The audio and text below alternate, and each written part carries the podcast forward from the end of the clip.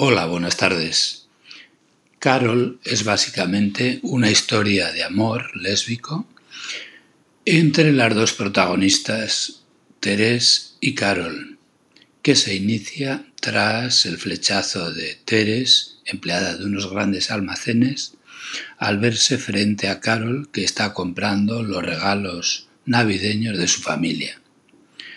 A partir de ahí, Teres desea saber si Carol corresponde a esos sentimientos.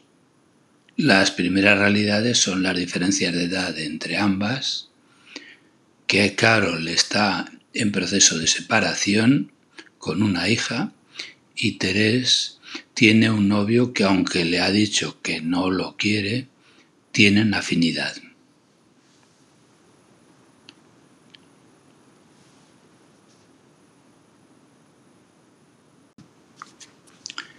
Por otro lado, la homosexualidad estaba muy marginada en esa época, hasta el punto que la misma escritora publicó la novela bajo el seudónimo de Claire Morgan. A todo lo anterior hay que añadir que el marido de Carol investigaba sus relaciones a través de una agencia de detectives. Las relaciones entre ambas se van afianzando y el marido amenaza a Carol con retirar la pensión y la custodia de su hija. Por otro lado, Teres sufre el abandono de sus amigos y la advertencia de un negro final.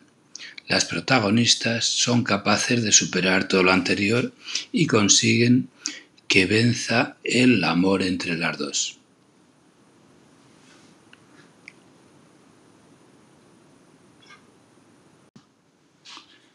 La novela tiene final feliz, no habitual en este tipo de relaciones y mantiene la tensión hasta la última página. Me ha gustado la novela en general y destaco la creación de personajes, descripción de ambientes, la técnica de utilización de diálogos y la incorporación de toques de suspense propios de la autora. Los hechos descritos se desarrollan principalmente en Nueva York, en el eje Nueva York-Chicago y dentro del centro de occidental de Estados Unidos. Mi valoración es un 7.